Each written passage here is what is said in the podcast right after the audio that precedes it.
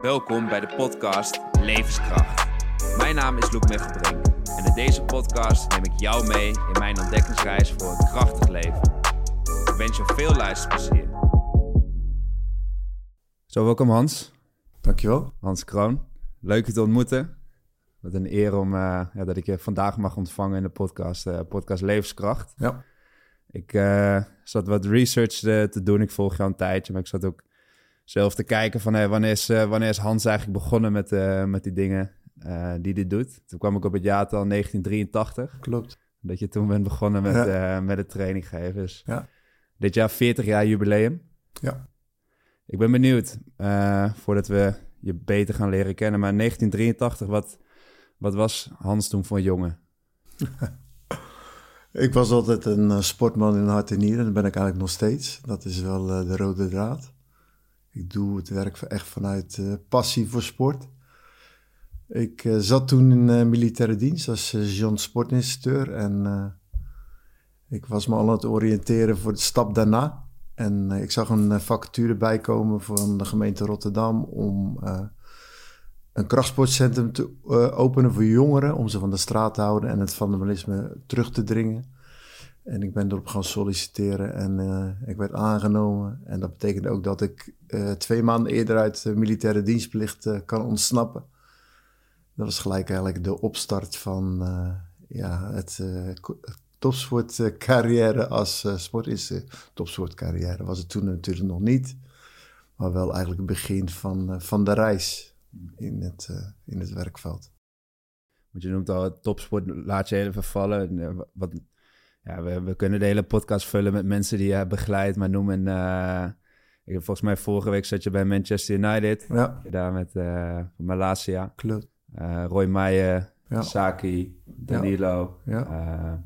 noem het maar op en jij, jij hebt ze wel begeleid. Klopt. Waar, waar, is die, waar is die, wat je geeft aan, van ik ben eerst natuurlijk hoe iedereen begint, waar ze beginnen met die switch richting het topsport gegaan? Ja, het heeft natuurlijk lang geduurd, omdat het uh, een lange reis is om die nodige evidence en experience uh, eigen te maken. Ik geloof heel erg in dat je veel vlieguren moet maken, gekoppeld aan reflectie, om jezelf te blijven doorontwikkelen als trainer-coach. En juist met een algemeen publiek kan je zoveel variëteit ontmoeten in de beginsituatie dat het super leerzaam is om je uiteindelijk te vormen tot, tot die vakspecialist. En die jaren heb ik er gewoon keihard nodig gehad. Je hebt de nodige studiejaren op het CIOS afgelegd. Ik ben specialisatie voetbaltrainer gaan doen. Allerlei applicatiecursussen gedaan. Ik had die sergeant sportinstructeursopleiding. Na, na al die opleidingsjaren, als je dan in het werkveld staat, kom je tot de conclusie dat je eigenlijk niks weet. En gaat het pas echt beginnen. En uh, ervaring is geen uh, automatische garantie voor verbetering. Je moet er wel iets mee doen. En dat deed ik heel consistent in van logboeken. Alles registreren wat je doet. Elke methode die je hanteert op jezelf eerst toepassen en daarna op de sporters. Maar ik had wel altijd wel een fascinatie voor het extreme. Het extreme sprak me altijd aan. In mijn sportbeleving zelf was ik ook altijd ja, naar de bovengrens op zoek. En mensen vonden vaak het extreem wat ik deed, maar voor mij was het eigenlijk de normale norm. En dat betekent dat je uiteindelijk ook de beste match hebt met uh, gelijkgestemden die diezelfde drive en uh, intrinsieke motivatie hebben die jij hebt om daadwerkelijk te gaan voor het uiterst haalbare. En ja, dat fascineerde mij al hè, heel vroeg. En uiteindelijk geloof ik hè, als trainercoach dat je niet iedereen kan helpen. Die illusie moet je ook niet hebben. Maar ik ben wel uh, goed in echt het uiterste uit mensen's potentieel halen. En zo is eigenlijk die, uh, die reis naar topsport uh, begonnen. Kan je ons eens meenemen in die tijd van... Ik bedoel, nu, we leven nu in 2023, 14 jaar geleden begonnen. Nou, als ja. ik kijk naar mezelf, ik geef ongeveer tien jaar training. Ik voel me soms zo oud. Toen ik ooit zelf begon met krachttraining, toen vroeg iedereen, ah, wil je dan bodybuilder worden of wil je powerliften doen? Ik zeg, nou, ik, ik vind het gewoon een heel soort van de ijzeren therapie noemde ik het destijds wel. Van, ik, ik voel me er gewoon heel goed bij. Ja. De dingen wat ik terugzie in krachttraining, dat vind ik ook een mooie metafoor voor de rest van het leven. Discipline ja. hebben, uh, doelen stellen, ja. uh, opdagen, ook al heb je er geen zin in. Hoe was dat 40 jaar geleden of 30 jaar geleden? Misschien is het mooi om te koppelen aan de vraag van als je bijvoorbeeld nu kijkt naar de kennis die er nu is, ik ga mijn laptop zoeken, ik ga naar Google Scholar, ik haal wetenschappelijke artikelen erbij. Hoe, hoe was het destijds? Toen had je die middelen niet bij wijze van spreken. Ja, ik heb me echt altijd een pionier gevoeld die zijn eigen weg moest gaan creëren. En dat was een weg van trial and error, zo, zo noem ik het ook. Het is, en het is nog steeds een trial and error weg. Het is een uh, harde leerschool geweest uh, waar veel energie en de jaren overheen zijn gegaan. Maar er was simpelweg geen andere keuze. En uh, zeker toen was er natuurlijk relatief weinig bekend over krachttraining. Literatuur was zeer beperkt. Meestal Russische vakliteratuur was het enige waar wat zinnige dingen over hè, trainingsleer gezet, gezegd werden met betrekking tot krachttraining. Wetenschappelijke kennis met betrekking tot hypertrofie was helemaal zeer beperkt. Dus je ga, ging simpelweg uh, dingen gewoon proberen. En uh, natuurlijk ging je ook eerst verdiepen in uh, de oude corifee. Schwarzenegger was natuurlijk leidend in, in, in, die, in dat tijdperk. Ja, dus ik ging ook zijn encyclopedie bestuderen en uiteraard dingen die hij aandroeg probeer, uitproberen in de praktijk. En al snel kwam je tot de ontdekking dat de bodybuilding een vervuilde wereld was waar uh, enorme invloed had van, uh, van drugs. Ik vind een, een natural atleet en een drugsatleet, dat zijn twee totaal verschillende uitgangspunten die ook een andere benadering vragen. Dus dat was voor mij nog meer een dwingende situatie om mijn eigen weg te gaan creëren. En gewoon door simpelweg te experimenteren met uh, alle facetten die bepalend zijn in het proces, training, voeding, slaapmanagement en mentale setting en mentale skillsontwikkeling. Ja, was gewoon uitproberen. En uiteindelijk ben ik best wel dankbaar voor dat ik die harde weg heb moeten belopen. Het was soms een eenzame weg, omdat je weinig gelijkgestemden tegenkwam op je pad. En ik verbaasde me nog steeds over, weet je, het gemak waar mensen mee illegale middelen gaan gebruiken. Maar het heeft heel veel te maken met, uh, ja, hoe sta je in het leven? Want je noemde al even Schwarzenegger. Ja, wat me kan voorstellen dat dat, dat in de tijd een, een groot uh, voorbeeld was, bij wijze van spreken. Uh, hij maakte op een gegeven moment de keuze ook om naar Amerika te gaan. Die, ja. die keuze heb jij ook gemaakt. Ja. Op een gegeven moment te kijken van, hey, we wonen hier in Nederland. Klopt. Wellicht was er wat Russische literatuur of andere andere literatuur te beschikken. Maar jij maakte toen de keuze, ik, ik ga naar Amerika, ik wil zelf zien hoe die jongens daar, uh, daar trainen. Wat, wat trof je daar aan? en, en, in welk jaar was dat? 86. 86. Ja, dus ik was, uh, nadat ik in 83 gestart was uh, in Rotterdam, met mijn toen toenmalige werk bij, bij het fitnesscentrum, kwam ik natuurlijk tot de conclusie wat ik al vertelde, dat ik eigenlijk niks wist. En dat was het begin van mijn reis naar, uh, naar Amerika toe. En in 86 uh, heb ik gewoon de beslissing genomen van... Nou als ik meer van deze materie wil weten... dan moet ik gewoon naar het mekka van de bodybuilding sport gaan. Dat was Venice Beach, Californië, Gold Gym en World Gym. Ja, wat trof je daar aan? Het was aan de ene kant een soort droom die werkelijkheid werd. Vooral die eerste stap in de Gold Gym kan ik nog herinneren de eerste atleet die ik daar uh, in actie zag was Tom Plas. Uh, Mr. Mr. Quads. Nou, dan noem je er ook één. dan noem je er ook één. uh, befaamd om zijn intensiteitstechnieken. En ja, dat was gewoon bizar om te zien met wat voor intensiteit hij daadwerkelijk aan, aan het trainen was. Het was niet meer eerder slopen tot op de laatste spiervezel. Maar het voelde wel als, ja, dit is de plek waar ik wil zijn. En daarna ging ik gewoon uh, domweg uh, elke dag uh, iedereen die ik daar tegenkwam en ik dacht dat die verstand van de materie had, ging ik gewoon vragen stellen. In het begin zijn mensen allemaal terughoudend en vertellen ze je weinig. En door steeds volhardend en aan die deur te blijven kloppen, ja, uiteindelijk raakte hij in gesprek met toenmalige bekende bodybuilders en ook bekende trainers. Ja, en dat was al snel een ja, confronterend moment dat hè, alles hun koppelde aan drugsgebruik. En dat was onlosmakelijk verbonden aan, aan het hele bodybuilding uh, visie die ze hadden toen de tijd. Dus het leek wel een soort iedereen aan de drugs zat. Het was een soort voor hun ondenkbaar dat je aan bodybuilding deed en dat je dat zonder hulpmiddelen deed. Mijn instelling is zo dat mijn gezondheid mijn belangrijkste bezit is. Ik ben er altijd extreem zuinig op geweest jonge leeftijd toch wel uh, gezien. Hè, wat ziekte en als kanker bijvoorbeeld met, uh, met mensen kan doen. Ik ben me veel familieleden aan verloren.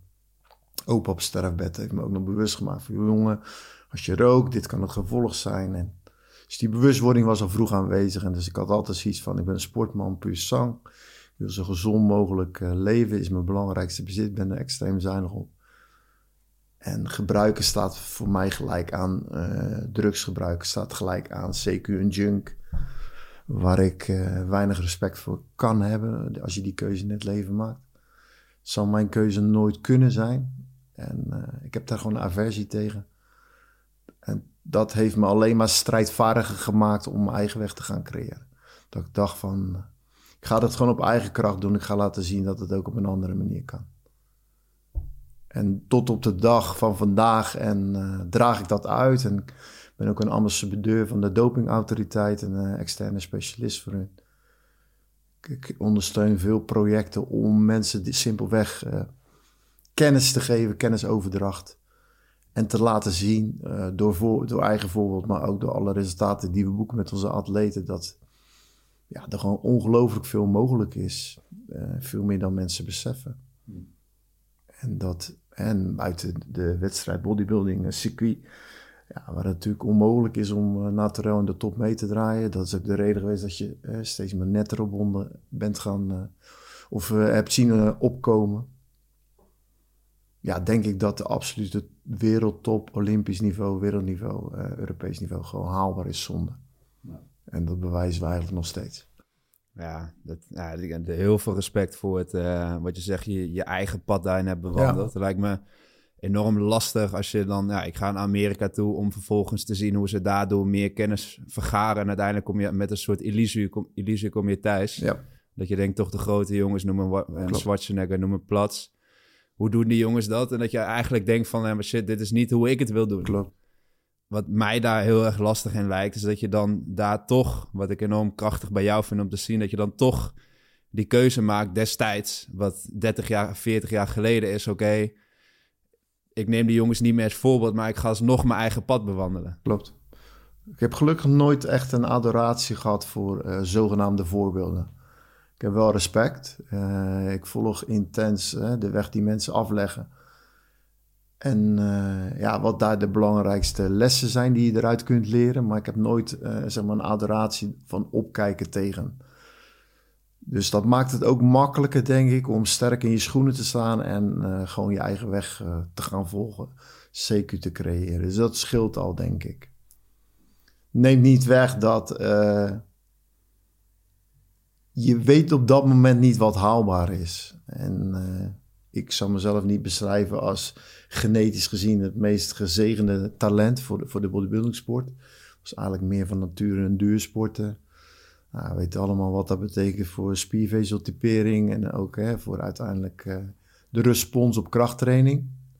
Maar ik heb dat nooit als een excuus gezien. Ik heb dat ooit nooit als een mentale aanvaarding uh, verankerd in mijn systeem. Ik heb altijd gezegd van, we gaan wel zien. We gaan... Uh, gaan zoeken naar wat maximaal haalbaar is. En uh, ik, ik, zie soort altijd een oneindig ontwikkelingsproces waar mogelijkheden zijn. En zolang er mogelijkheden zijn, is er, is er eigenlijk geen uh, sticking point of geen plateau. Kun je doorgaan tot op de dag van vandaag uh, wat jij denkt dat kan. En wat er kan is, ja, daar kan je alleen maar achterkomen door het te ondervinden, door het gewoon uit te proberen. Dus dat is wel uh, ook wat uh, je non-stop eigenlijk blijft uitdagen in binnen training. Buiten het gevoel wat het natuurlijk oplevert. Ik vind het, het is een soort uh, rode draad in je leven waar je niet zonder zou kunnen. Omdat het simpelweg, zoals jij het al terecht zei. Het heeft heel veel metaforen met het leven. vallen en weer opstaan. Weerstand overwinnen. Maar uiteindelijk altijd wel uh, gefocust zijn op het uiteindelijke doel. Wat je telkens weer kunt bijstellen daar waar jij het nodig vindt. Dus dat is. Uh, ja, het, het is uh, nogmaals. Ik, ik, ik, kijk er met een heel mooi gevoel op terug. En toevallig vorige week zag ik nog wat oude foto's terug te kijken. En dan komen die herinneringen weer binnen ja, ook gewoon hoe extreem uh, dedicated ik, ik, was, is een soort. Uh, ja, wel iets opvallends wat ik denk dat noodzakelijk is als je uitzonderlijke dingen wil gaan doen in het leven. En dat is uh, ook weer terugkoppelend naar, naar bijvoorbeeld deze tijd. Dat is wat heel veel jongeren toch wel missen. Die denken allemaal op een of andere manier dat die, die Rolls Royce dat bij hun thuis komt bezorgen. Het is voor thuisbezorg.nl. en als ik maar heel veel tijd achter mijn telefoon doorbreng en heel veel Instagram uh, tijd spenderen, komt dat allemaal wel goed. Maar het is gewoon, uh, ik zeg altijd, de norm om iets te bereiken in het leven is gewoon keihard werken. En ja, de definitie van hard werken, daar, daar is nog wel een verschil in interpretatie wat hard werkelijk betekent. Dus ja, het is leerzaam tot op de dag van vandaag. Nee, zeker. En, en, en, wat jij daar heel mooi in zegt, vind ik dat, dat, dat pad van weerstand gaan bewandelen. En dat anabolen, steroïden, wat dan ook, is, is niet het pad van, van weerstand, het is, een, is het pad van gemakzucht. En zo werkt het ook met die Rolls Royce, wat mensen willen. Dat is ook vaak het pad, pad van de weerstand. Dat is ook een beetje wat ik aanhaalde met die metafoor. Ja. Dat, dat, dat die discipline, dat hard werken, dat heb je ook in andere facetten in het leven nodig. Klopt. Uh, ja, daarom vind ik inderdaad het, het, het krachttraining een enorme mooie metafoor voor het, uh, voor het leven. Als je daar de dingen kan bereiken, dan zou je ook zien dat het op andere facetten absoluut. het ook beter gaat. Ja, absoluut. Want ik ben wel benieuwd. Ik, nou, wat ik zei, ik, ben, ik, ik train nu zelf ongeveer 13, 14 jaar. Uh, 10 jaar zelf training gegeven. Heb daarbinnen veel verschillende opleidingen gedaan. Uiteindelijk ook mijn master bewegingswetenschappen gehad in de universiteit. Dus, uh, maar, maar toch wat ik soms lastig vind, nu nog steeds. En ik ben heel benieuwd hoe jij een soort van die filter hebt aangehad. Als je kijkt hoeveel fitnesstrends, verschillende dingen er worden geclaimd, et cetera. Hoe, hoe jij een soort van die filter hebt aangehad de afgelopen 40 jaar. Maar, maar dit is hetgene wat werkt en dit is, dit is, dit is wat niet werkt. Hoe, hoe kijk je daarna? Ja, nogmaals, dat kan je maar op één manier achterkomen. Als daadwerkelijk dat wat je doet uh, nauwkeurig vastgelegd wordt in dat logboek en dat je na iedere training een, uh, een, korte, strakke evaluatie maakt van wat was het doel van deze training? Heb ik mijn doel bereikt? Wat werkte en wat werkte niet? En wat zijn de meest essentiële factoren die eigenlijk uh, in die training de boventoon gevoerd hebben? En Kijk, je kan alleen maar achterkomen als je of iets werkt. En dan moet je er wel een bepaalde tijdsduur aan koppelen. En dat is een beetje wat hè, te veel mensen doen. Die hoppen van het een naar het ander. Vooral als ze veel verschillende cursussen doen. Dan hebben ze toevallig in die cursus, toevallig zat ik net op de weg hier naartoe, weet je wel, die gast die, die uh, bij die slaapgoeroe was geweest. Ja, en dan ineens zeggen, ja, maar slapen is het allerbelangrijkste. Het is een holistisch uh, proces. Het is altijd een holistisch proces. Dus zodra iemand zegt dat iets het belangrijkste is, dan heb je de essentie nog niet begrepen. Het is altijd het totaalplaatje waar een wisselwerking gaat ontstaan. En op terugkomend op je vraag, ja, hoe kom je erachter? Hoe filter je? Door het vooral heel simpel te houden. En uitblinken in simpelheid is eigenlijk een, een kunst op zich aan het worden. En als één ding me opvalt in het beluisteren van zogenaamde experts van deze tijd, is dat je ze na vijf minuten niet meer kan volgen. Omdat ze maken hele simpele dingen. Dan zie je een soort wat het thema is wat ze uiteindelijk willen uitleggen. En zelfs ik met al mijn uh, kennis en ervaring van 40 jaar, denk na een paar minuten, waar heeft deze gast over? Ik snap echt de boom het bos niet meer. Dus een van de dingen, bijvoorbeeld in, en ik geef masterclasses aan personal trainers ik noem wat, ik ga zeggen van, ga ons eens in Jip en Janneke taal uitleggen, wat is het verschil tussen de squat en de hip hinge? Met zo min mogelijk woorden en met zo simpel mogelijk woorden. Nou, dan ga, zie je mensen struggelen. En dat zijn ook allemaal mannen, weet je wel, die 10, 15 jaar in het werkveld zitten, 4, 6, 8 of 10 cursussen hebben gedaan, maar gewoon niet in simpele bewoordingen kunnen uitleggen wat het verschil is tussen die squat en die hinge. Wat is het doel van die squat? Wat is het doel van de hinge? Waarom kies je voor de oefeningsselectie? Welke simpele ratio hanteer je? Waarvoor zou je überhaupt een doorsnee beginnen aan een deadlift challenge eh, blootstellen? Waarom? Wat wil je hier in godsnaam mee bereiken? Dus ik kan de logica er niet van ontdekken. En door juist logica wel toe te passen op de informatie die je krijgt. Dus elke keer weer teruggaan naar simpelheid. Wat is het doel van de tool? Uh, klinkt het logisch dat wat hij zegt? Kan ik met gezond verstand begrijpen wat hij zegt? Kan die persoon hele dus aan ingewikkelde materie heel simplistisch uitleggen, dan snapt hij het echt. En, en, en naar dat soort mannen vind ik het interessant om te luisteren. Dat gekoppeld aan je eigen ervaring, door uit te proberen dat wat ze zeggen. En daar vaak uh, toch een stukje fine-tuning op toe te passen. Van nou, dit werkt gewoon echt niet en dat werkt wel. En zo ga je het eigenlijk fine-tunen tot bruikbare informatie. En alles wat je in de loop der jaren uh, ondervonden hebt dat het werkt, laat je staan. Ga je pas veranderen wanneer je ervan overtuigd bent dat dat wat je wil gaan veranderen leidt tot absolute verbetering. En te vaak switchen we van het een naar het ander en dan word je een soort uh, ja, zigzag uh, route ben je aan het afleggen. Ja, dan zie je inderdaad door de bomen het bos niet meer. Dus ik ga niet van de hak op de tak springen. Ik ga niet ineens uh, dingen uh, op tien fronten drastisch veranderen. Als ik iets ga veranderen, ga ik één element veranderen. We gaan dat minimaal vier, zes weken doen. We gaan elke dag die feedback erop geven.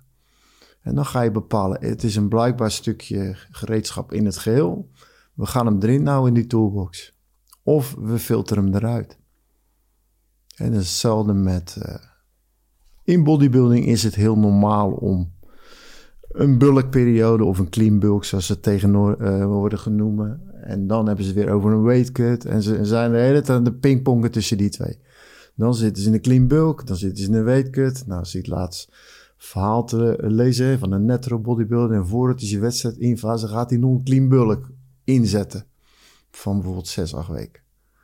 Ja, ik met mijn gezond verstand kan er niet bij wat dat voor meerwaarde zou moeten hebben. Dus je gaat bijna begin van je, voorra van je, van je wedstrijdvoorbereiding ga je eerst nog even een klein beetje bagger zitten opbouwen. Om uiteindelijk weer naar die weetkut te gaan. En wat is uiteindelijk het nette resultaat?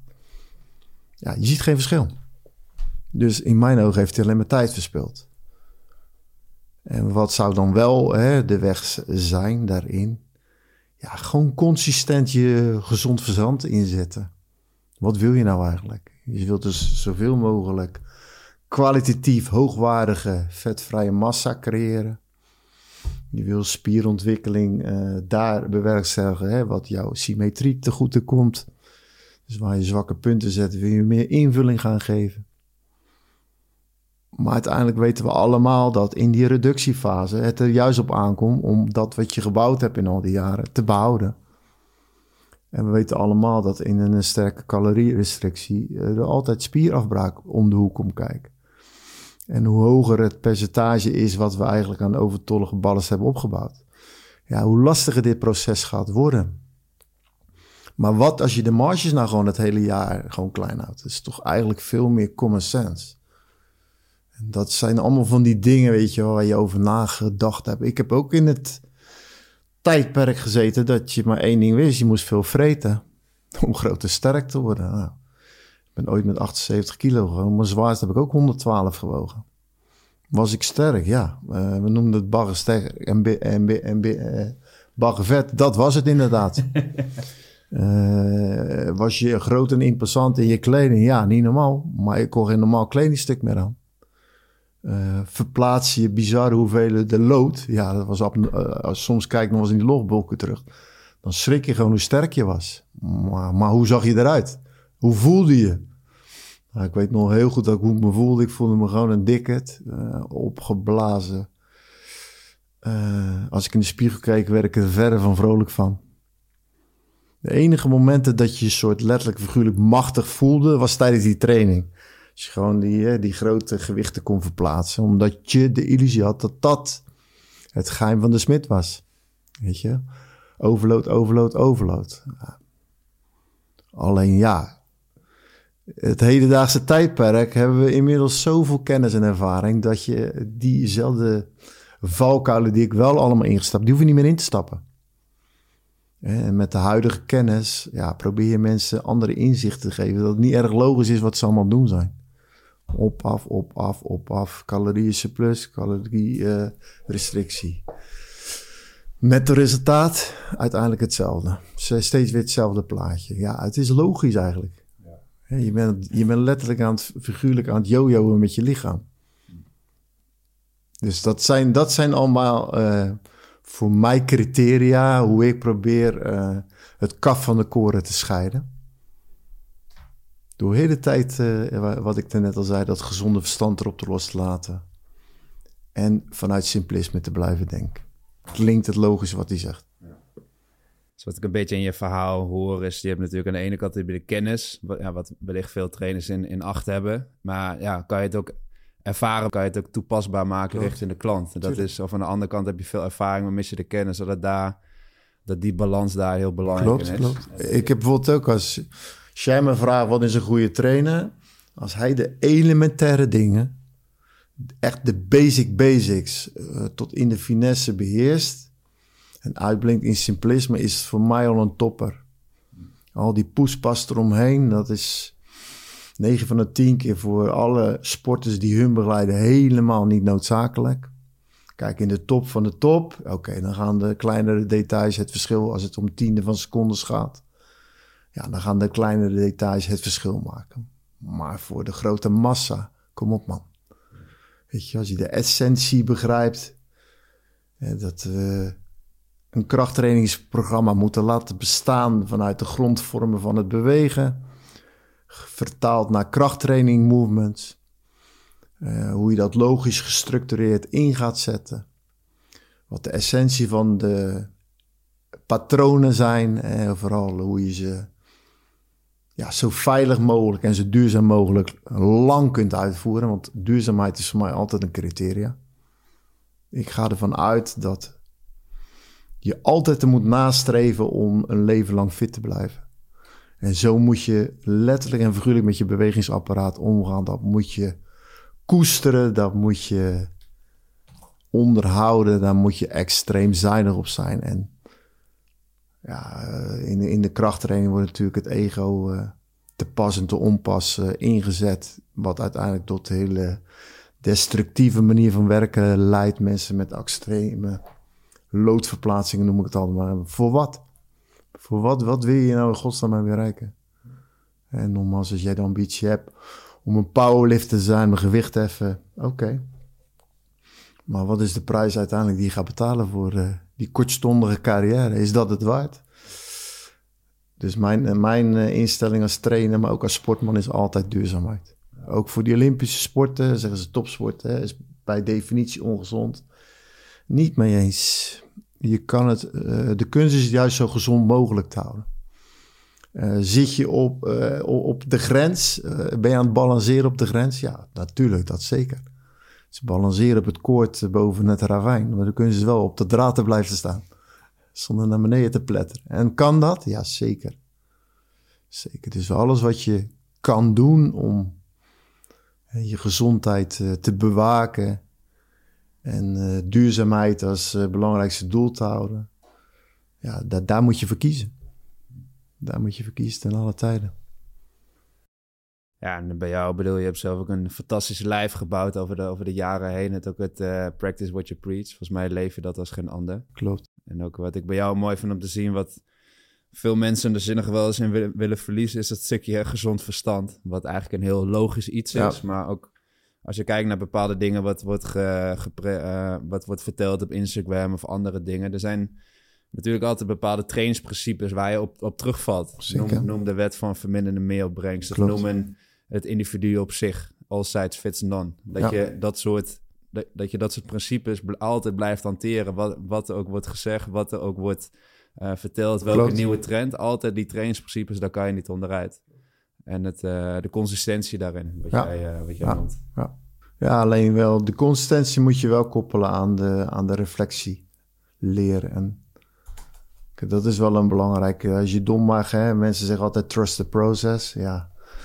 Wat nou als dat proces helemaal niet efficiënt is? Dus ik, ik, ik vertrouw maar één ding, is de progressie van het proces. Ik wil wel zien dat er iets in de ontwikkeling gebeurt. En op het moment dat de ontwikkeling eigenlijk bijna stagneert, wordt het zaak om heel kritisch te kijken: doe ik het wel op de meest efficiënte manier? Waar ligt de ruimte voor verbetering?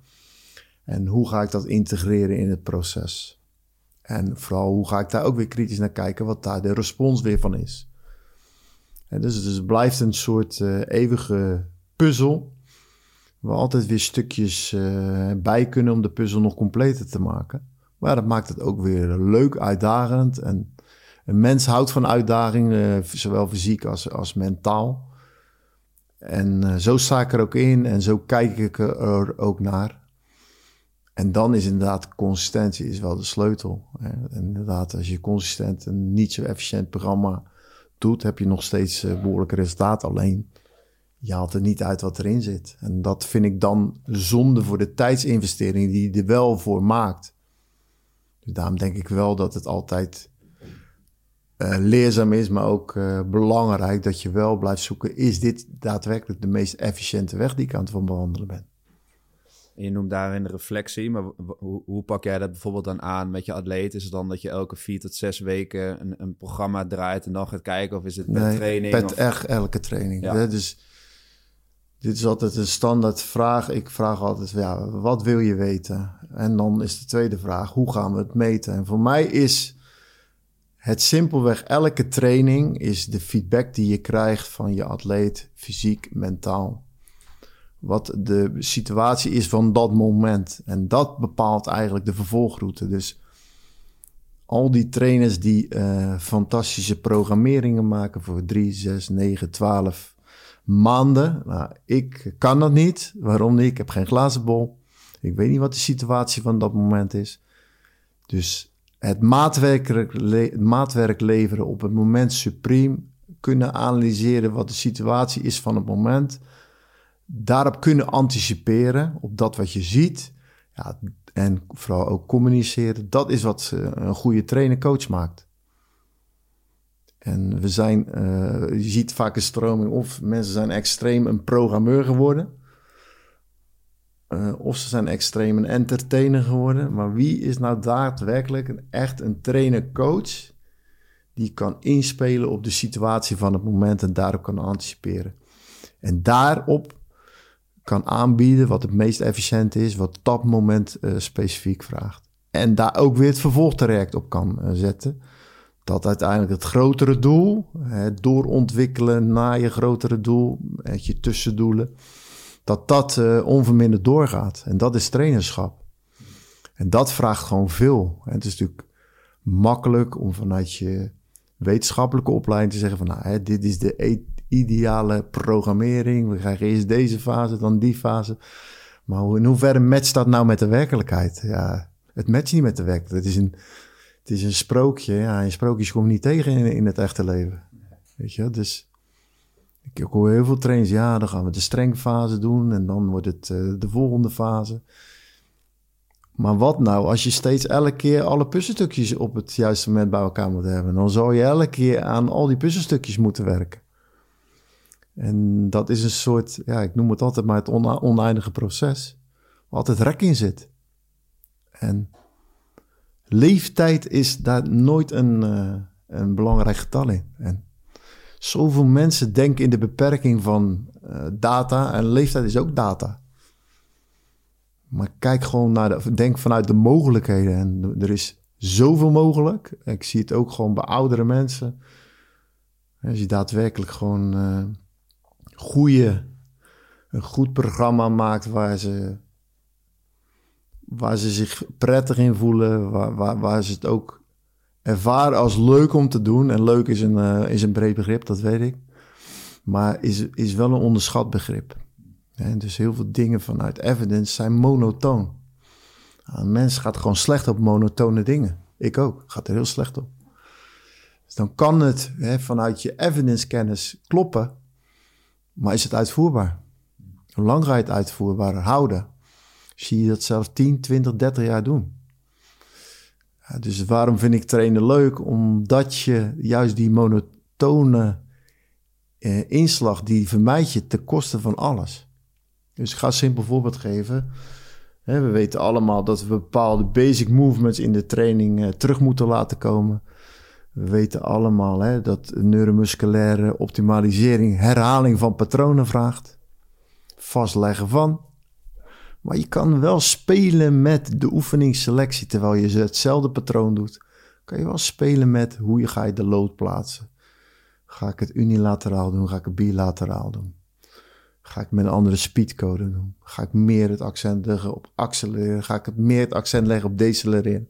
Of ga ik beide, beide werelden combineren in één movement? Dan ben je nog steeds het vastleggen van het patroon aan het oefenen, maar wel met een veel bredere invulling. En waardoor je letterlijk en figuurlijk je lichaam gewoon veel meer uitdaagt. Dus soms is het uh, best wel simpel in mijn ogen, alleen zie ik het weinig toegepast worden. Ja, maar we moeten dit. Je moet helemaal niks. Je moet iets gaan uh, ontwikkelen wat daadwerkelijk uh, tot al die dingen leidt waar we het nu over hebben. En ik ben wel benieuwd, de, de podcast Levenskracht. Ik heb een soort van zelf een framework ontwikkeld wat meer gaat over fysiek, mentaal, sociaal, emotioneel en spiritueel. Daarbij zeg ik ook, fysiek gaat over vitaliteit, spiritueel is vrijheid, mentaal is veerkracht, sociaal is verbinding en emotioneel is vertrouwen. Dus het 5V-model. Nou, we hebben het nu voornamelijk over het fysieke. Maar hoe, hoe zie jij dat het fysieke, uh, daar moet ik natuurlijk zelf ook wel een mening over, maar het fysieke bijdraagt aan die andere gezondheidsgebieden? Sterker nog, je kan het niet loszien van elkaar. Ik vind uit het, eh, die holistische benadering die jij nu benoemt, zo benader ik alles in het leven ook, maar in de sport ook. Dus het hokjesdenken, het uh, fysieke scheiden van het spirituele of van het geestelijke. Ja, dan, dan heb je het niet helemaal begrepen. Het is, het is een eenheid, het is een, uh, een beïnvloeding van elkaar. Het is een wisselwerking tussen de verschillende aspecten. En wil je daadwerkelijk tot ontwikkeling komen, dan zou je totalitair moeten ontwikkelen. Zo simpel is het. Zo als ik ook denk dat het belangrijk is dat mijn uh, topsporters zich ook uh, breed als mens ontwikkelen. En ik dat altijd zal stimuleren. En hoe vaak ik niet mensen zeg, ga deze cursus gewoon doen. Ga er iets bij doen. Om je breder te ontwikkelen dan. Uh, stap ook eens uit die tunnel, weet je. Er is veel meer dan die tunnel. Ga je topsport ook in een ander perspectief bekijken. Ben je daardoor minder toegewijd? Nee. Sterker nog, je bent beter in staat om die toewijding uh, toe te passen. Omdat je ook andere skills aan het ontwikkelen bent. Dus ik vind het super interessant om te zien en te ervaren wat ademhaling met je doet. Ik heb het al eerder verteld, hè, lang geleden al in contact gekomen met Wim Hof door een, uh, een klant van mij. En uh, ik weet op het moment dat Wim gewoon binnenkwam, en we allemaal dachten: wat is dit voor een zwerver? Hoe die erbij liep, uh, hoe die rook. het was nog niet het prototype wat je verwachtte bij een, een coach. Maar toen hij ging praten, ja, het hing allemaal aan zijn lippen, want hij sprak onze taal. En hij liet ons heel snel ervaren wat zijn technieken voor bijdrage konden leveren in uh, stressmanagement, uh, in beïnvloeding van uh, het systeem wat we langere tijd van dachten dat niet beïnvloedbaar was. Het parasympathische en sympathische systeem. Um, ja, de restrictietechnieken die hij deed, waar je gewoon letterlijk en geen adem had. Ik, ja, raakte al snel uh, in paniek bij de gedachte dat je geen zuurstof meer kreeg. En uiteindelijk met die technieken van hem blijk je gewoon tot veel meer in staat dan je ooit voor mogelijk had gehouden. En het leven, weet je het leven kent tegenslagen, het leven kent valkuilen. Het leven heeft zijn struggles, het leven heeft zijn verdriet, het leven heeft zijn angsten. Maar het is normaal, het hoort erbij. Alleen wanneer en van wie heb je geleerd hoe je daarmee om moet uh, gaan? En gelukkig, hè, al die trainingsjaren heb je daar bepaalde tools in gegeven. Maar door die technieken, bijvoorbeeld vanuit uh, mentale setting of mentale skills, uh, waar ademhaling eentje van is, ja, krijg je gewoon een extra stukje gereedschaps aangereikt, die super interessant zijn. En tot op de dag van vandaag, ja, draag ik het aan bij iedere sporter, is van daar gaan we ook serieus aandacht aan besteden, wat we met ademhaling kunnen doen. En uh, zo zijn er vele invalshoeken, vind ik zelf, met betrekking tot slaap. En dan vind ik zelden met betrekking tot voeding. En dan vind ik ook met betrekking tot supplementen. Er zijn enorm veel dingen die buiten training kunnen bijdragen in en moeten bijdragen in. Om uiteindelijk te komen tot, uh, tot groei en bloei. Dus uh, ja, in, in, in dat, in al die facetten van trainerschap daar ligt heel veel ruimte voor ontwikkeling. En wat we eigenlijk straks ook al benoemen, niks is het belangrijkste. Het is de, de, de aaneenschakeling van, de aanvulling die ze zijn op elkaar, de wisselwerking die ze hebben op elkaar, die uiteindelijk bepalend zijn tot, tot, tot het rendement. Ja, daarom vind ik mooi om te zien dat jij dus ook die verschillende gezondheidsgebieden noemt al in het verhaal wat je daarvoor, wat, wat ik zei, fysiek, uh, het mentale, het spirituele, et cetera. Volgens mij heb ik Ron Vlaak was een keer in een interview horen zeggen toen hij bij jou trainde. Dat hij zei van ik ben eigenlijk gegroeid als atleet, maar eigenlijk ben ik nog meer gegroeid als mens. Klopt. Dat uh, ja. vond ik wel een mooie quote. Ja, en ook weet je hoe, wat voor verbinding je met je coach, sporter met elkaar opbouwt. Ik noem het altijd drie V's, vertrouwen, verbinding en veiligheid. Ja, je moet blind op elkaar kunnen vertrouwen. Je moet blind... Uh, verbinding voelen met elkaar. Op het moment dat ik zeg spring, moet je gewoon springen. Omdat simpelweg je weet dat dit uh, de coach cue is die jou op dat moment eh, gaat helpen in de taakuitvoering om bij het doel te komen. En ik heb daar zoveel voorbeelden gaan dat, dat ze blind volgen wat je, wat je doet en waar een wedstrijd gewoon op beslist gaat worden of werd. Ja, daar komt, daar komt wel wat voor kijken voordat je die verbinding hebt met elkaar. En ik kan niet uh, het beste uit jou halen als wij geen uh, klik hebben met elkaar. We, moeten, we gaan een relatie aan met elkaar. Het is een relatie. Ik durf te zeggen dat ik hou van mijn sporters. Waar ik die connectie mee heb. Alleen die relatie uh, die, die groeit en die relatie heeft ook zijn struggles. En dat vertrouwen dat moet je opbouwen en dat vertrouwen moet je nooit misbruiken. En ik zal een sporter nooit iets vertellen wat niet klopt. Ik ga altijd de waarheid vertellen. Heel direct. Heel confronterend. Maar wel altijd met de intentie jou te helpen. En zo leg ik het ook uit. Ik ga heel direct zijn. Ik ga weinig woorden gebruiken. Maar dat, uh, wat ik zeg, moet je zuiver ontvangen. Je perceptie moet kloppen. De perceptie, de ontvangst moet zo zijn. Deze coach wil mij verder helpen.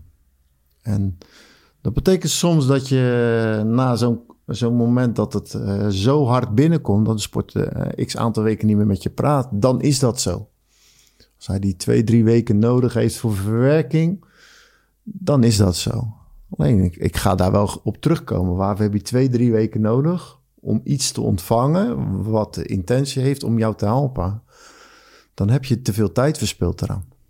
Dat je bezinkingstijd nodig hebt voor harde informatie vind ik logisch. Maar je moet daar wel uh, snel uh, positief uh, in je ontvangst iets mee doen. En dat geeft aan, weet je wel, hoe breed het werk is wat je doet en hoe belangrijk die mentale verbindingen met elkaar zijn. Je, je kan niet het beste uit elkaar hebben als je die connectie niet hebt. Je hebt gewoon simpelweg geen, geen ontvangst. Weet je, dus er is ook een theorie van mij dat ik moet vinden wat jouw opening is, wat jouw deur is, hoe ik bij jou binnen kan komen. En ieder mens is verschillend. We hebben allemaal hè, een unieke persoonlijkheid. We hebben een unieke manier van communicatieskills. Ik moet wel zoeken wat de manier is om met jou te praten. En dat is soms is dat zoeken. En ik geloof in de extreme stresssituatie dat dat de snelste leerschool is om te weten van oké, dit werkt bij hem en dit werkt niet. En dat heeft weer altijd weer uh, ja, met drie V's te maken, wat je net zei. Ja, ik vind het mooi dat je die drie V's noemt. Ik heb dan inderdaad vanuit levenskracht heb ik het, het 5V-model bedacht, ontwikkeld bij wijze van spreken, waar dan vitaliteit, uh, veerkracht en vrijheid nog bij zit ten opzichte van verbinding en vertrouwen. Maar ik ben benieuwd, ik, ik stel die vraag altijd aan mijn gasten, de, de term levenskracht, wat, wat, wat zegt dat jou? Wat betekent dat voor jou, de term levenskracht? Heel veel. Ik uh, heb een heel duidelijk doel uh, op deze aardbodem. Ik uh, wil in de eerste instantie een goed mens zijn. En wat is een goed mens? Iemand die iets bijdraagt aan de ontwikkeling van zichzelf, maar ook iets bijdraagt aan de ontwikkeling van zijn geliefde en, en ook van zijn sporters. Ik heb de skills en ik heb de kennis om mensen te helpen in on ontwikkeling. En als ik zie dat mijn input leidt tot uh, bepaalde groei, dan is dat voor mij uh, levenskracht. Dat is de kracht die ik zelf uitstraal, dus de kracht die ik overbreng. Ik zeg altijd het belangrijkste, je moet koesteren dat wat je lief hebt. bijvoorbeeld hè, naar die topsporten. Je bent met voetbal begonnen als klein jongetje, omdat je van dat spelletje met die bal hield. Ja, dat was een liefde. Het was misschien wel je eerste echte liefde in je leven. Die bal en jij. Dat gevoel, dat moet je koesteren. En dat is ook een, uh, een bepaalde levenskracht.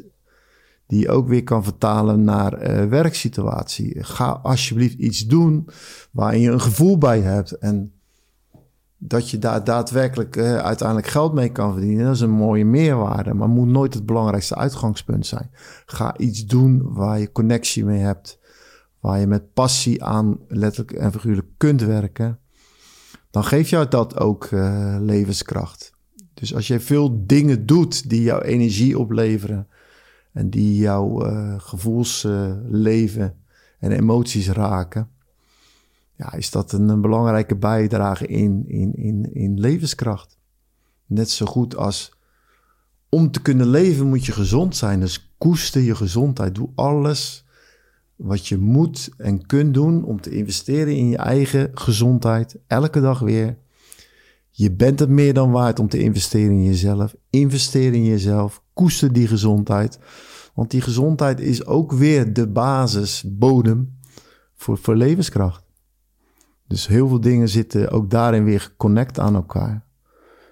Uh, met welk gevoel sta je op elke dag van zo ja, ik ben gezond opgestaan, ik heb gewoon zin om er weer een mooie dag van te maken. Dat is levenskracht. En waar is die gebaseerd? Ja, op dat wat je doet en op dat wat je bezit. Maar is dat vanzelf gekomen? Nee, daar heb je hè, aan gewerkt en daar werk je nog steeds aan en daar blijf je aan werken. Dat houdt nooit op. En eigenlijk op het moment dat je dat opgeeft, ja, dan ben je eigenlijk al dood. Ja, en aangezien het leven zo mooi is, weet je wel, ik wil zo lang mogelijk hier blijven, maar wel actief. En uh, daarvoor geloof ik niet dat je in, in leeftijd moet denken, maar gewoon in, in gevoel, in emotie, in er zijn, in uh, bewustzijn, heel belangrijk. Dus ik zei, zei uh, toen ik hier binnenkwam, ik woon relatief dicht bij de sportschool. Elke dag wanneer ik die straat oversteek, is het voor mij een bewustzijnsmoment. Ik loop hier in mijn sportkleding, in mijn korte broek, met een sporttas. En ik ga iets doen wat ik leuk vind. En ik ben er nog goed in ook. Ja, geef mij dat kracht, geef mij heel veel kracht. Die mensen komen uit België, uit Frankrijk, uit Venezuela om getraind te worden door jou hoeveel kracht geef je dat niet? Dus ze vinden dat jij iets hebt wat uniek is voor hun.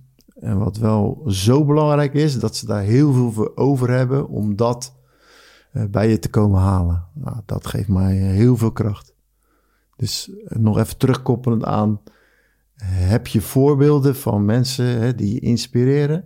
Maar sporters inspireren mij. Mijn sporters zijn de beste inspiratiebronnen die ik maar kun bedenken. En ik ben bevoorrecht dat ik daar een onderdeel van ben. En dat ik ze kan helpen, letterlijk en figuurlijk, in die groei. En zij helpen mij ook. Want zij zijn gewoon uh, levende materie. Waar ik het voorrecht uh, bij heb om met hun te mogen werken aan dat proces. En elke keer, ik zie hoe hun reageren op mijn input. En ik reageer ook weer op hun input. Ik zeg altijd, wat kom je halen en, en wat kom je brengen? Weet je? Het enige wat ik wil dat ze komen brengen is vooral ook energie. En de, van daaruit gaan dingen ontstaan. Dus levenskracht is, uh, poh man, kan je niet zuinig genoeg op zijn. ja, ja ik, ik, ik hang aan je lippen. Ik vind het echt mooi hoe je het, uh, hoe je het beschrijft. Ja. Ook naar het bredere plaatje daar. Ja, zeker dat, ja. ja. Want wat ik ook een beetje daar in, in, in relatie tot levenskracht bij je hoor, is dat is dat stukje passie. Nou, ja. uh, bedoel, als ik nu, bedoel, ik heb je net een uur ontmoet, de, de passie straalt er vanaf. Je elk woord wat je spreekt komt vanuit je hart. Dat, ja. dat voel ik aan alles. Ik heb eigenlijk twee vragen daarin. Is dat altijd zo geweest? En ja? En wellicht voor de mensen die nu luisteren, dan denken, ja, ik, ik, hoor Hans praten, ja, de, de, het straalt er vanaf bij wijze van spreken, ben daar door geïnspireerd. Hoe, hoe vind je je passie als je daar moeite mee hebt? We hebben het eerder gehad over, over je eigen pad daarin bewandelen. Uh, niet, niet te veel van je omgeving aantrekken, je eigen pad daarin vinden. Maar hoe, hoe, hoe vind je daar in je eigen Ja, een mooi voorbeeld is, hè, kijk, ik kom nog uit een tijdperk, dan kreeg je uh, beroepstesten. Nou, bij mijn beroepstest, nou, hoe het kan. Daar kwam uit dat ik uh, administratief medewerker moest worden. Nou, tot op de dag vandaag, ik haat administratie. Ik ben er echt slecht in. Ik ben er uh, inconsequent in. Ik stel mijn kwartaalaangifte tot de laatste dag van de deadline uit. En dan moet ik ineens dag en nacht achter de boekhouding gaan zitten. Als er één kwaliteit niet in mij zit, is het dat. En uit elke test kwam dat ik dat moest doen. En ik zei alleen maar tegen moeder, ik zei, maar ik ga gewoon in de sport werken. Dat is gewoon wat ik wil en dat is wat ik ga doen. En waarom dat? Omdat ik daadwerkelijk een sportman ben in hart en nieren. Uh, we hebben het vaak over overreaching, uh, overtraining. Bestaat niet. Die tijd voelde je drie tot zes uur per dag. Nooit blessures. wat is de les? Ja, belastbaarheid is trainbaar. Simpelweg. Door het te doen. Alleen, waarom deed je drie tot zes uur per dag? Omdat je het leuk vond. Uh, het was je... Het meest vervelende moment was eigenlijk als het licht uitging, letterlijk figuurlijk, door de zon onderging. Dat was het meest vervelende moment. En dat je moeder op de balkon stond te gillen dat je naar binnen moest komen. Dus je weet al heel vroeg van, ja, dat is wat ik wil. Dat is waar ik uh, eindeloos mee bezig kan zijn. Dus wat is het meest logische? Of ik word beroepsvoetballer of ik ga aan de sport werkzaam. Punt. Die twee opties. En wat een ander ook zei, en heel veel mensen hebben het tegen mij gezegd: je moet het uit, ja, maar wat als dit, ja, maar wat als dat. Ik zei: luister, dat gaat gewoon gebeuren, 100%, hoe dan ook. En dus ik geloof dat iedereen een talent heeft, iedereen heeft iets waar zijn hart sneller van gaat kloppen. En ga ontdekken wat dat is. Waar krijg je energie van? Waar word je vrolijk van? Waar zou je altijd je bed voor uitkomen? Ga er proberen achter te komen wat dat is. En ga niet te snel denken dat je dat talent niet hebt, want je weet het niet. Zolang je niet de juiste mensen op je pad hebt gehad die jou kunnen helpen met die ontwikkeling van die skills, ben je misschien in iets extreem getalenteerd en gepassioneerd, maar je hebt het simpelweg nog nooit ontdekt. En daar kan je alleen maar achter komen als je ja, letterlijk en vuurlijk op ontdekkingsreis gaat. En gaat op die reis.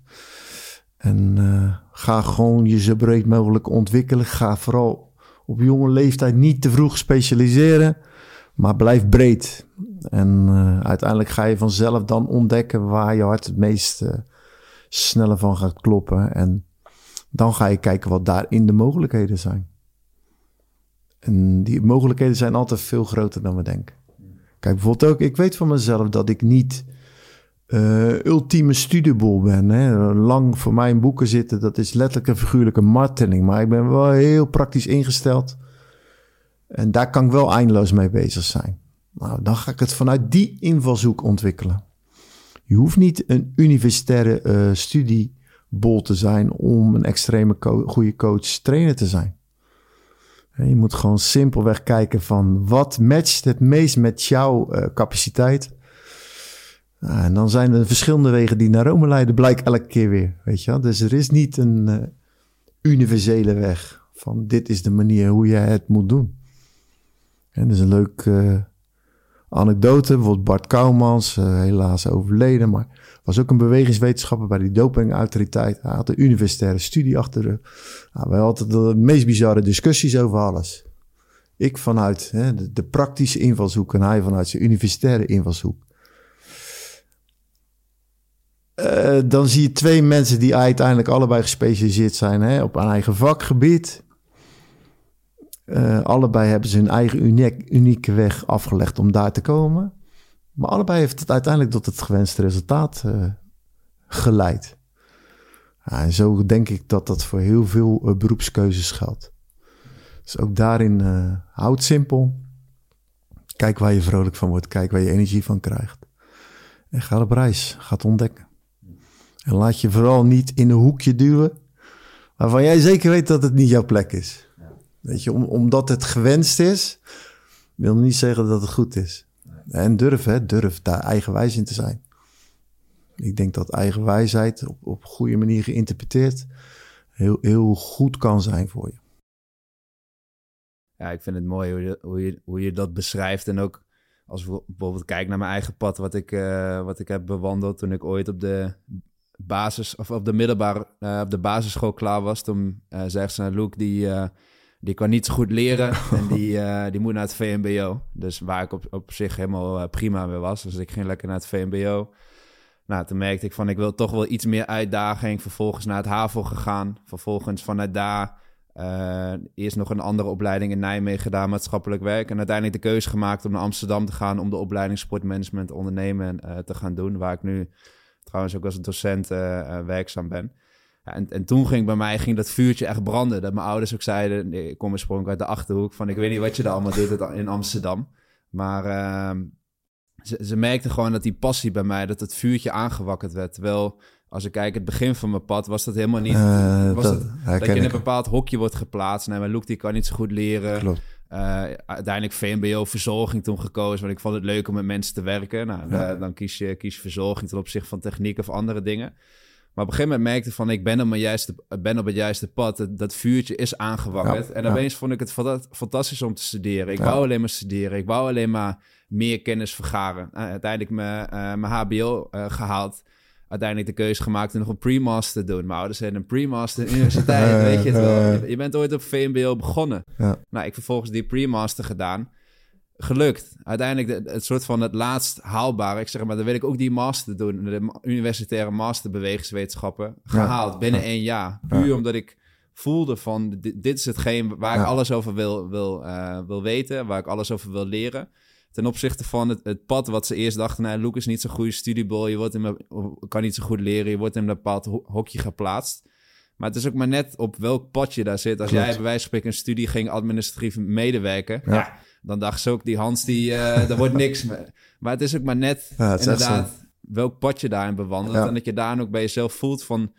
Misschien ben ik niet zo goed in de dingen wat ik doe, maar is het wel het pad wat ik bewandel? Uiteindelijk ben ik een ander pad gaan bewandelen. En toen ja, vond ik het heerlijk om te studeren. En juist ook dat praktisch. Ik wou er alles over weten. Maar het is soms maar net dat je de verkeerde kant op wordt geduwd, duwt bij wijze van spreken. En dan krijg je, maak je net even een, een, zijwaartse uh, beweging richting jouw pad. En dan ben je, voel je het vuur. Word je ochtends wakker, sta je s ochtends om... Ik zie mezelf nog steeds, toen ik die master deed, moest ik, uh, had ik eerst vijf, had ik eerst ochtends PT, uh, training gegeven van 7 tot 12. Ja. daarna naar de bibliotheek. En dan s'avonds nog weer training geven. Dat ik dacht, uh, dan ga ik voordat ik om zeven begin, ga ik dan zelf wel trainen. Ja, ja, Ik had het toevallig van de week nog met een collega over. Ja, die kwam er aan. Hij zei, hoezo heeft iemand het licht vergeten uit te doen, weet je wel. Maar dan stond ik daar altijd trainen om, uh, om, om half zeven s ochtends. Ja, dat, dat is omdat je dat, dat vuur in jezelf voelt, uh, voelt aanwakkeren. Ja, zeer herkenbaar voor mij ook.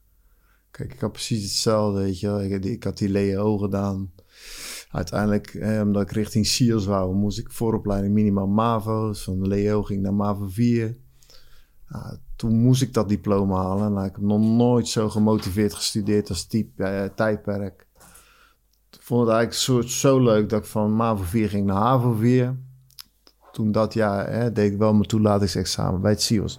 En ik werd er aangenomen. Nou, dat is de reden dat ik het niet af heb gemaakt. Maar ik bedoel, je bent laag ingestapt. Dus uiteindelijk ben je alweer twee stappen hoger omdat die motivatie er was. En ook het CIOS-periode was voor mij... Ik had geen wiskunde-achtergrond, ik had een natuurkunde-achtergrond. Het was erg lastige materie, maar... Ik zat nog in het systeem dat je altijd op school... Was, uh, daarna ging je naar je kamer toe en dan ging je gewoon studeren. Je kwam zes uur op je kamer en tot elf uur zat je... Vier, vijf uur zat je gewoon te leren. Het was voor mij ondenkbaar vroeger. En ik was gemotiveerd, ik typte alles uit en altijd mijn huiswerk op orde. Want ik dacht, ik moet en zal slagen gewoon voor dit. Het is precies wat jij omschrijft. En dus als je die match hebt van, ja, dit is wat ik wil, dan ben je tot zoveel meer in staat. En dat is natuurlijk uh, eigenlijk wel fantastisch, weet je. En het is zo zonde dat te veel mensen dingen doen die of een ondercapaciteit uh, levert, of ze doen iets waar ze totaal geen connectie mee hebben.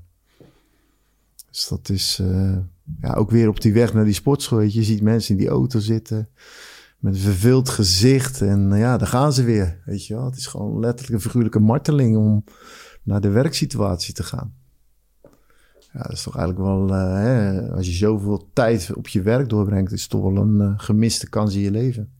En dan heb je uiteindelijk nog de keuze dat je gezond bent en kan kiezen voor die gezondheid. Ja, zeker. Weet je, we, we, we zijn bevoorrecht dat we überhaupt keuzes hebben. En we hebben heel veel keuzes.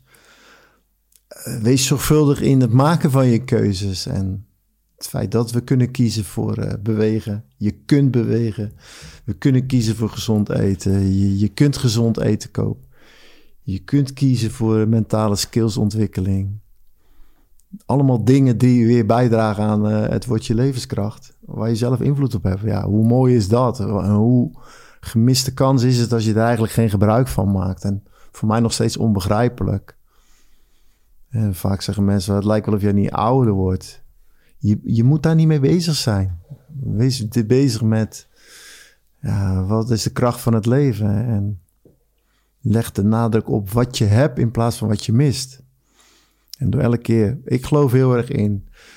We doen heel veel uh, van onderuit onderbewustzijn, maar ga juist bewust zijn van wat je hebt. Ga gewoon je zegeningen koesteren en zet dat elke dag in, uh, in je zelftalk, zet dat centraal. Ik geloof in zelftalk. Ga gewoon een gesprek aan met jezelf.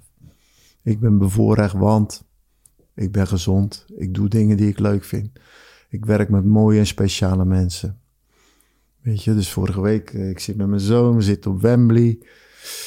Staat gewoon een jongen van jou die je begeleid hebt. 90.000 mensen op de tribune. Alle camera's van de wereld opgegeven. De sfeer was zo bizar in dat stadion. Kippenvel. Uh, gedeelte van het stadion was Newcastle, was zwart-wit, letterlijk figuurlijk, is hun kleur. Aan de andere kant was de Red Army, Manchester United.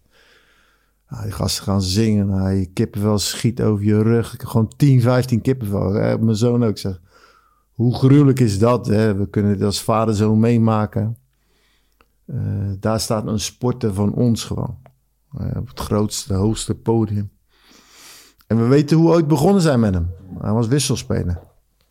We hebben gezien wat voor ontwikkeling hij doormaakt. Hij is een speler die voor het eerst in de Premier League staat en gewoon gruwelijk presteert. Maar hij is voorbereid. Hij is voorbereid op zijn taak. En we zijn een onderdeel van dat proces. Nog steeds. Ja, hoe, hoe bijzonder is dat? Maar realiseren. Ga nooit denken dat het normaal is. Dus we zaten in een speciale limousine eh, met een sterrenhemel erin. Het is absurd natuurlijk, maar ook wel een soort leuk. Ja. Weet je, het is wel bijzonder. We hebben toen hij zijn handtekening gezet uh, voor de tweede keer in mijn leven in de privé had gezeten. Het is absurd, maar ook wel weer bijzonder. Weet je wel? Dus geniet er dan ook van. En die anderen die met ons vleugelen, ja, ik, ik zit zo vaak in zo'n ding. Ja, vriend, ik heb me niet verrotten dat jij er zo vaak in hebt gezeten. het is gewoon extreem wat we aan het doen zijn. En ontvang het ook gewoon zo, beleef het ook gewoon zo. Ik heb gewoon als een klein kind gewoon met die piloot mee zitten kijken. En uh, ja, dan zit je in zo'n voortuin en denk je, ja, ultieme luxe. Is ook leuk om het zo te ontvangen een keer. Is het belangrijkste in het leven? Nee, natuurlijk niet. Maar je kan er wel van genieten. En ervaar het wel als bijzonder. Ja, wat ik bij jou ook mooi vind om te zien is dat in, uh, die, die passie die, je het over hebt en de, de, de leeftijd, wat, ja, wat een soort van kan je zien als een beperkende factor. Maar volgens mij zie je dat niet als een beperkende factor. Nee, zeker niet. Ik weet niet of je het boek uh, Ikigai wel eens hebt gelezen. Dat is, uh, ze hebben een soort van onderzoek gedaan naar verschillende blue zones op de, op de wereld. Ja, ik ken dat van de blue zones. Ken ik ook. Ja, dit is dus één gebied in Japan uh, waar mensen dus ook heel oud worden. Waarin ze dachten van hoe, hoe kan het dat die mensen zo oud worden? En daar hebben ze uiteindelijk onderzoek naar gedaan. En wat ze daarachter kwamen, ze dachten eerst dat het de zeewier was wat, wat die mensen aten. Dat ze dachten, ja, dat is, blijkt dus heel gezond te zijn. Maar uiteindelijk waar ze dus achter kwamen, waar die onderzoekers zagen, is dat het niet ging om die zeewier, maar dat het ging om die ikigai. En wat is dan ikigai? Ikigai is een, uh, is een doel, een, is, is een Japans woord voor een doel waar mensen elke ochtend mee opstaan. Ja. Dat ze dat gesprek hadden en ook mensen die pensioen en dat soort dingen kenden ze niet echt. Nee, nee, nee. ze gewoon, ze hadden een doel en dat zie ik bij jou ook heel sterk. Het is niet, het is niet een, een, een 9 tot 5 ding. Het is niet een uh, ik, ik, moet me, ik moet mijn geld ermee verdienen. Ik zeg ook wel eens, het, het, gaat niet om, het gaat niet om je pinpassie, maar het gaat om je passie. Klopt. En die Ikigai, dat zie ik bij jou ook heel sterk. En daarom doet het me daaraan denken. Ja, het is grappig, want toevallig mijn zoon, uh, die stelde me die vraag recent van, ja, hoe lang zie je jezelf dit nog doen? Ik zeg, luister, daar ben ik gewoon nooit mee bezig. Zolang ik elke dag opsta uh, met de gedachte van zo, we gaan vandaag knallen. En zolang ik die drive voelt om het beste uit mensen naar boven te halen, ga ik er niet eens over nadenken. En een van de dingen die ik wel uh, echt met ouder worden geleerd heb, is pak het moment, leef bij de dag, haal eruit wat erin zit. En ga je niet te veel bezighouden met wat over een jaar plaatsvindt of over een maand. Het, het is vandaag is het heden en gisteren was het verleden. Geef maximale invulling aan die dag en maak er gewoon een goe, simpelweg een goede dag van. Door van dag van dag intensief, bewust te beleven en uh, te ontvangen ook. Dankbaarheid te tronen en altijd een uh, moment van humbelheid uh, in te bouwen. Blijf je gewoon vol erin staan. Ik ga toch niet denken, ja, nog vijf jaar, nog acht jaar. Nee, man. Ik heb alleen tegen hem één ding gezegd van... Uh, zeg me als je ziet uh, dat ik minder lever. Als ik niet meer lever wat voor mij de norm is, de kwaliteitsnorm, dan moet je het wel zeggen. Ik hoop dat ik het moment zelf herken en dat verwacht ik wel. Maar mocht het niet zo zijn, ja, dan, dan moet je me daar attent op maken. Kijk, hetzelfde met, ik vind dat veel oudere mensen, dat worden zeikers. Vroeger dit, vroeger dat. we leven nu, man. Hou op met dat vroeger. Net alsof vroeg, vroeger was er ook gewoon heel veel dingen die niet eh, in orde waren. Waren er sommige dingen eh, beter dan nu? Ja, zeker. Maar andersom ook, weet je wel. Dus ga niet eh, hangen in negativiteit, maar blijf vooral hangen in, in de positiviteit en wat je opties zijn. Ik ben wel benieuwd. Ik, heb, ik zag laatst een, uh, een post voorbij komen van Dorian Yates. Ja. Die uh, heb ik toen ooit mogen ontmoeten op de FIBO-beurs in, uh, in Duitsland. Stond hij ergens achter in een, achter in een hoekje natuurlijk een, een legende. Het is deze post, ik weet niet of je voorbij hebt zien komen. Maar in ieder geval wat hij zegt. En ik ben benieuwd hoe jij daarover denkt. Van wanneer, hij, wanneer hij zijn bodybuild carrière heeft geëindigd. Dat hij eigenlijk toen grotendeels gestopt echt met het hard en zwaar trainen. Ja, je hebt natuurlijk gezien hoe die, hoe die bodybuilders destijds zelf trainden. Maar dat hij nu eigenlijk zegt, ook deze foto, hij is aan het mediteren. Dat hij nu eigenlijk zegt van ik focus me nu meer op mobiliteit, het ademhalen, een mentale gedeelte, uh, spirituele gezondheid.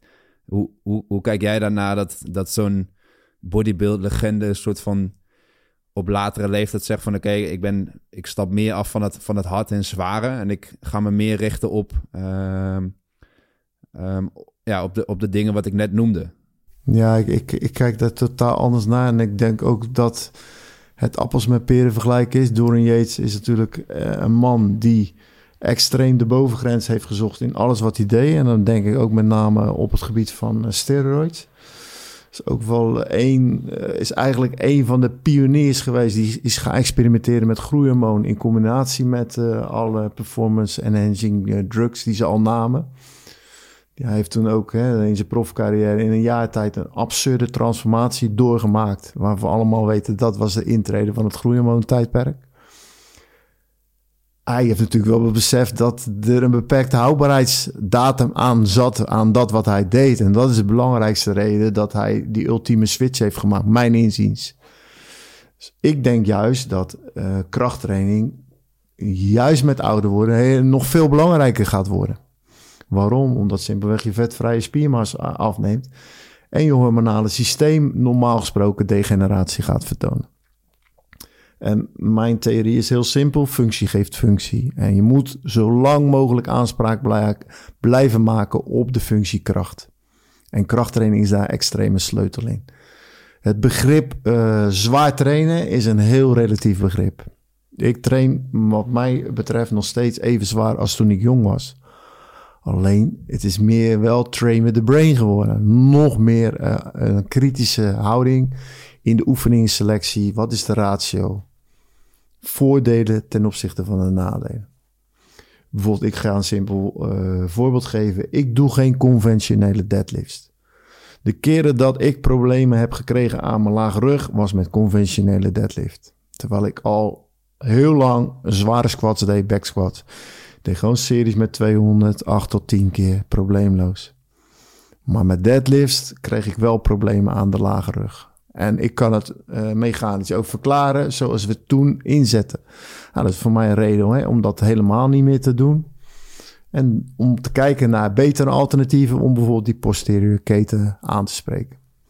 Die uiteindelijk dezelfde uh, mechanische schade kunnen aanrichten, recrutering geven, metabole stress. Noem alle factoren voor hypertrofie maar op. Maar met een veiligere ratio. Hetzelfde, hè? vroeger waren wij gek op uh, neckpress met absurde gewichten. Deden we gewoon met 100 kilo. Als je hem niet meer hoog, uh, dan gaven we hem even een zetje met het hoofd. Gewoon de gekste dingen. Ja, je wist toen niet beter, maar met de huidige kennis, ook met een betere kennis van het schoudergewricht, dat de ontwikkeling van die voorkant van die deltoïdes nooit eigenlijk het probleem is. Waar zou je überhaupt het risico nemen met een nekpress? er zijn zoveel veilige alternatieven voor die uiteindelijk de ontwikkeling geven die eigenlijk nastreeft met die nekprijs, maar wel met een veel veiligere ratio. Kijk, en als je zo naar krachttraining gaat kijken, denk ik juist dat je krachttraining met ouder worden steeds belangrijker moet maken.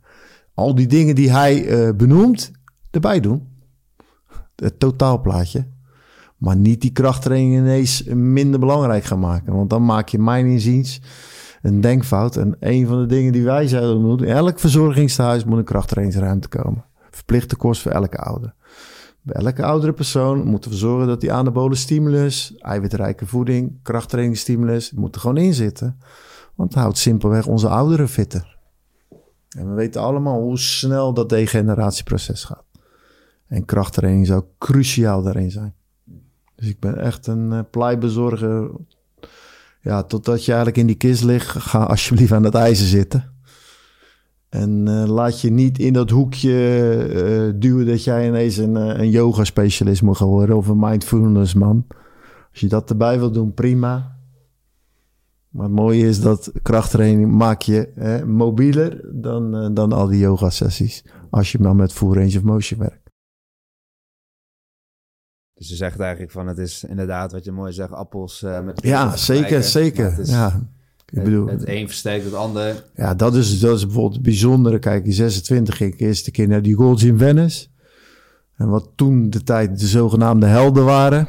Nou, ben ik in 88 weer teruggegaan en daarna ben ik nog zes, zeven keer nou, elk jaar zag je uh, een groter verloop uh, als bij die gasten kan je gewoon niet voorstellen. Gewoon mannen, totale metamorfoses naar beneden toe.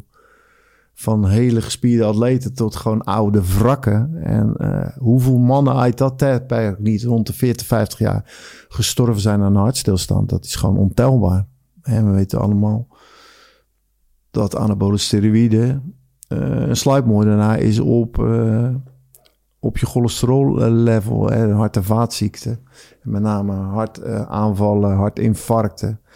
Ja, dan wordt een hele duidelijke link gelegd met uh, langdurig gebruik. En uit dat tijdperk zijn er zoveel slachtoffers gevallen. Ook uit tijdperk waar ik gestart ben. Als ik kijk wie er dan nu nog redelijk figuurlijk rechtop staan. Dat is een heel klein, een heel klein rijtje. Weet je, dus... Uh, ja, weer... Uh, gezondheid nummer uno in alles wat je doet. is de rode draad. Hey, ik heb nog twee vragen voor je, Hans. Ik ben, ik ben benieuwd, wat ik net ook al zei. Ik geef dus nu ook les op de hogeschool. Ja. Toevallig hebben we dit blok, uh, geef ik ook het vak fitness. Wat ik, nou, de jongens probeer ik uh, 18, 19, 20 natuurlijk ook de, de dingen, dingen mee te geven waar, uh, waar wij het over hebben. Wat zou jouw advies zijn richting, richting de jonge jongens die ja, uh, nu 18, 19, 20, meisjes, uh, die wellicht net wat trainingservaring hebben? Soms het gevoel wat ik heb is dat ze door middel van bepaalde dingen op Instagram of, of een jaar goed te hebben getraind, dat ze denken van oké, ik snap het allemaal wel. Uh, maar wat, wat zou jouw advies zijn richting die, richting die studenten? Nou, we hebben het er al over gehad. Je kan het eigenlijk niet zo simpel, je, je moet het zo simpel mogelijk zien te houden. Uh, basic advies is: ga drie keer per week krachttraining doen, niet meer. Waarom? Heb je beter herstel. Ga drie keer per week full body doen. Ga elke programmering uh, bouwen rond de basic movements. Wat zijn de basic movements? Squat patronen, hinge patronen, lunge patronen, push pull row. En dan hebben we eigenlijk het belangrijkste gehad. Daar doorheen geïntegreerd stuk rompstijfheid uh, en wat rotatiekracht. Als je daar wat farmers walk aan uh, toe kan voegen, nou, dan vul je dat ook al goed in. Ga met verschillende rep range werken. We maken simpel onderscheid in low, medium en high. Door elke training één bepaalde rep range centraal te stellen, pak je alle rep ranges die maar denkbaar zijn. Doe per uh, compound uh, movement twee oefeningen. Doe voor de kleine spiergroepen, biceps, triceps, één oefening. Als je deze simpele basisregels hanteert, met in je achterhoofd. Eerst de techniek en dan de overload. En overload moet je verdienen. En hoe verdien je hem? Door een correcte uitvoering van oefening.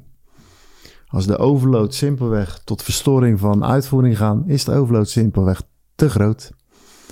Een spier is niet geïnteresseerd in wat jij erop gooit. Een spier is alleen maar geïnteresseerd hoe hard je hem laat werken. Nou, dus wat ik al zei, spier heeft geen ego. Uh, zorg dat je de oefeningen volledig controleert van begin tot het einde.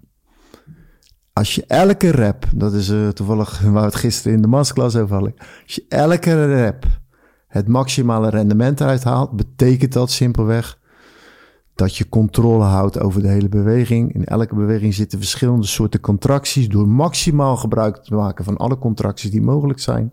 Iedere rep weer. Maal iedere set. Maal iedere oefening. Maal de frequentie van de week. Ja, dan gaat je volume gekoppeld zitten aan kwaliteit en intensiteit. En dan, dan krijg je altijd resultaat. En koppel training altijd aan voeding. Koppel training altijd aan slaapmanagement. Koppel training altijd aan rust en herstel. Koppel training altijd aan uh, mentale skillontwikkeling. En vanuit die vier uh, pijlers ga je altijd resultaat boeken. En boek je geen resultaat, dan zit eigenlijk 9 van de 10 keer het mankement in slaap en in voeding. En voeding ook. Je kan honderdduizend uren aan spenderen. Ik, ik les het altijd uh, zo simpel uit. We beginnen met basis 2 gram per kilogram lichaamsgewicht eiwitten. 1 gram vet per kilogram lichaamsgewicht. Eiwit, of sorry. 1 gram vet per kilogram lichaamsgewicht. Koolhydraten, dat zal ergens tussen de 3 en de 5 zitten. En daar ga je mee spelen. Die eerste twee zijn vaststaande feiten. Die ga je gewoon constant dag in dag uit, zeven dagen per week zo invullen. Met die koolhydraten heb je margeruimte, onderhandelingsruimte. Afhankelijk van wat je wil, afhankelijk van wat je doet. Ga dat gewoon doen. En dan wil je het op de vegetarische manier doen. Doe je het op de vegetarische. Wil je vlees eten, doe je het op de vleesmanier. Bestaat er een, uh, een superieure methode? Nee. Die methode die jij constant vol kan houden. Ja, lever je het gewenste resultaat op. Als je dit doet, en dat is niet zo heel ingewikkeld, uh, zit je altijd on the price. Altijd. Wanneer gaat het mis? Ja, als je het ingewikkelder gaat maken dan het eigenlijk is. Dingen simpel kunnen uitleggen. Ja, sim, sim, simpelheid van uitleg betekent simpelheid in uitvoering. En simpelheid in uitvoering is dus, ja, je kan doen wat er gezegd wordt. Je kan het heel ingewikkeld maken. Soms zit je ook naar een programmeerlijst. Denk je, vriend, heb je dit zelf wel eens geprobeerd? Het is gewoon onuitvoerbaar. Ja. Of, of als het uitvoerbaar is, dan zal het maximaal voor een, voor een maand, twee maanden, drie maanden. En wat dan? Weet je, dus hetzelfde met een regime voor een fotoshoot. Ja, was dat je ambitie is. Maar voor wat doen we dat dan? Voor dat ene moment en dan. En dan de rest van de jaren als een baggerschuit eruit ziet. Ja, schiet je een beetje je doel voorbij, mijn inziens. Dus. Ik heb nog één vraag uh, aan je Hans, de laatste. Ik uh, heb het gevoel als ik je zo hoor praten, die, uh, die gaat nog 20, 30 jaar door met het training geven. En die is nog lang niet, ja, die, die gaat nog lang niet stoppen. Dat, Klopt. Ja, volgens mij is het, ben je bezig met je levenswerk en dat, dat voel ik aan alles. Maar mijn laatste vraag is, hoe, hoe wil jij herinnerd worden als, als mens en als, als trainer? Als mensen later denken, die Hans, daar, daar heb ik mee gewerkt of daar heb ik een podcast mee opgenomen. Hoe, wat, wat wil je dan? Ja, voor mij, ja, voor mij is het allerbelangrijkste dat ze zeiden, dat was echt een goed mens. Die echt het beste uit jou naar boven wil halen, ten alle tijden. Hij was wel uh, heel direct en hard. Ik moest eraan wennen. Maar uiteindelijk ben ik wel gaan waarderen hoe hij was. En dat is vooral, uh, hij is authentiek. Als dat uh, het belangrijkste herinnering naar boven komt bij mensen, dan is mijn missie op deze aardbol geslaagd. Dat is eigenlijk uh, hoe ik zou willen dat mensen terugkijken. En dat is wel het mooie, weet je wel. Soms, of soms, vrij recent zijn er x aantal topsporters gestopt. Waar ik 10, 12 of 14 jaar mee samenwerkte. Marine Verkerk, de wereldkampioen uh, judoka. Ron Vlaar, de voetballer, waar we fantastisch mee samen hebben gewerkt. Elisabeth Willeboorts is gestopt. Jules Frans is gestopt. Noeska Fontijn. Uh, tweevoudig Olympisch medaillewinnares. En ja, bij die afscheid hoort altijd zo'n officieel afscheid. En dan uh, gaan mensen een speech houden. En dan hoor je vaak ook terug, weet je, wat je voor hun betekend hebt. En dat is veel breder dan uh, die sportcoaching. En juist dat vind ik eigenlijk het mooiste compliment wat je kan krijgen. Dat je daadwerkelijk iets bijgedragen hebt aan hun levensontwikkeling, hun levenskracht, hun levensinvulling. Ja, hoe mooi is dat? dat jij daar onderdeel van bent geweest. Maar hetzelfde ervaar ik met hun. Ik heb, je zal het niet verwachten, maar ik maak gedichten voor mijn sporters uh, als ze afscheid nemen. En dan stop ik ook mijn gevoel en emotie in wat zij voor mij betekend hebben. Dat is ook heel veel.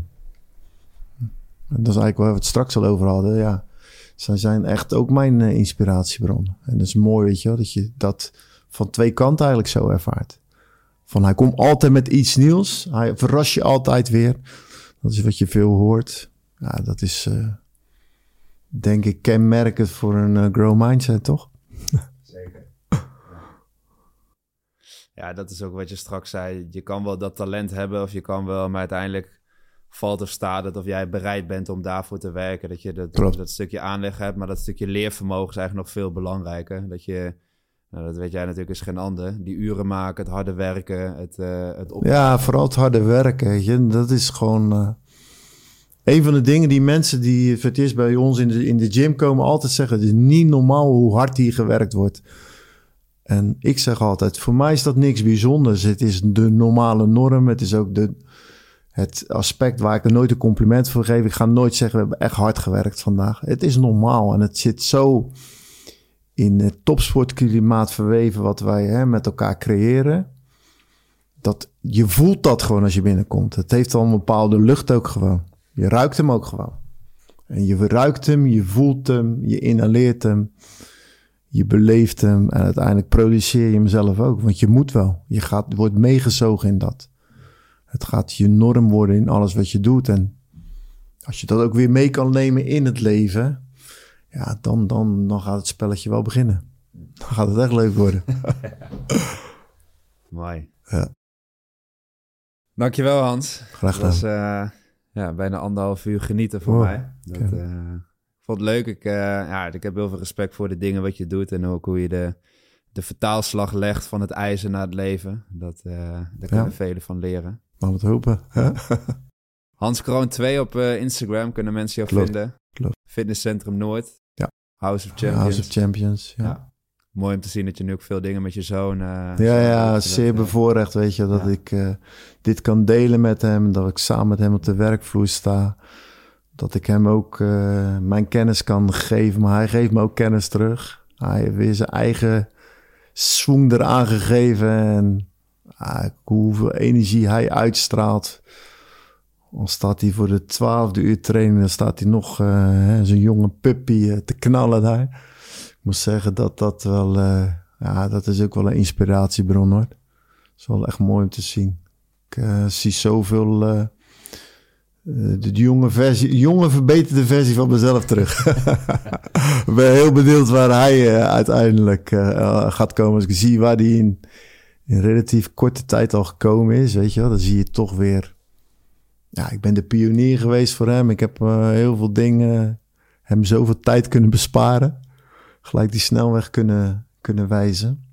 Maar wel mooi hoe hij daarmee omgaat. En ja, vooral ook uh, hoe hij in, gewoon in het mens zijn erin staat. dus trainerschap is zoveel meer dan dat uurtje training geven. Het is gewoon echt een connectie voor het leven met elkaar aangaan wellicht een mooie gast voor, voor een volgende podcast. Ja, zeker, zeker, zeker. Hij, hij, kan het ook heel mooi verwoorden, vind ik. Maar hij kijkt natuurlijk wel met een vader... Ik kijk met een vaderblik, maar hij kijkt ook wel met een kritische blik. Ja, ja. Nou, volgens mij heeft hij het perfecte voorbeeld hoe je... Nou ja, perfect bestaan is ook niet zo belangrijk. Maar probeer in ieder geval wel een goed voorbeeld te zijn. Ja, nou, dat ben je zeker. Dankjewel Hans. Graag gedaan. Ja, dat was hem weer lieve mensen. Ik hoop dat je hebt genoten. Laat even weten wat je ervan vond. En dan spreken wij elkaar snel weer. Maak er een mooie dag van en tot de volgende.